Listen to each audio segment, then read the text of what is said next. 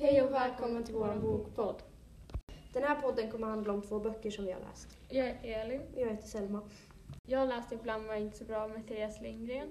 Eh, Jag valde att läsa den bara för det verkar intressant och jag har följt henne ett bra tag. Så. Jag har läst Min superkraft av Viktor Frisk och jag läste också den för att jag tycker att den kanske verkar intressant.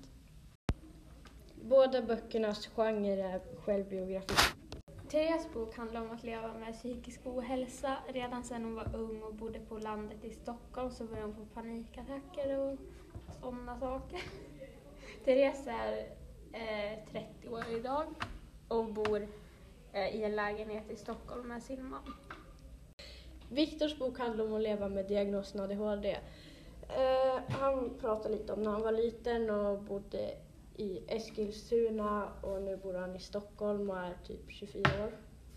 Eh, Therese budskap med boken är att det är okej att må dåligt och att man kan här, söka hjälp för att må bättre och ja, att det finns hjälp att få.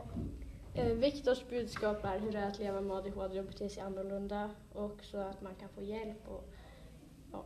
Författarna är Viktor Frisk och Therese Lindgren. Båda mår väldigt dåligt men av olika anledningar. För att Therese har psykisk ohälsa och Viktor har en diagnos.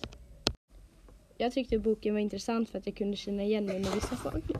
Båda böckerna var väldigt intressanta och vi rekommenderar dem. De bra. Då!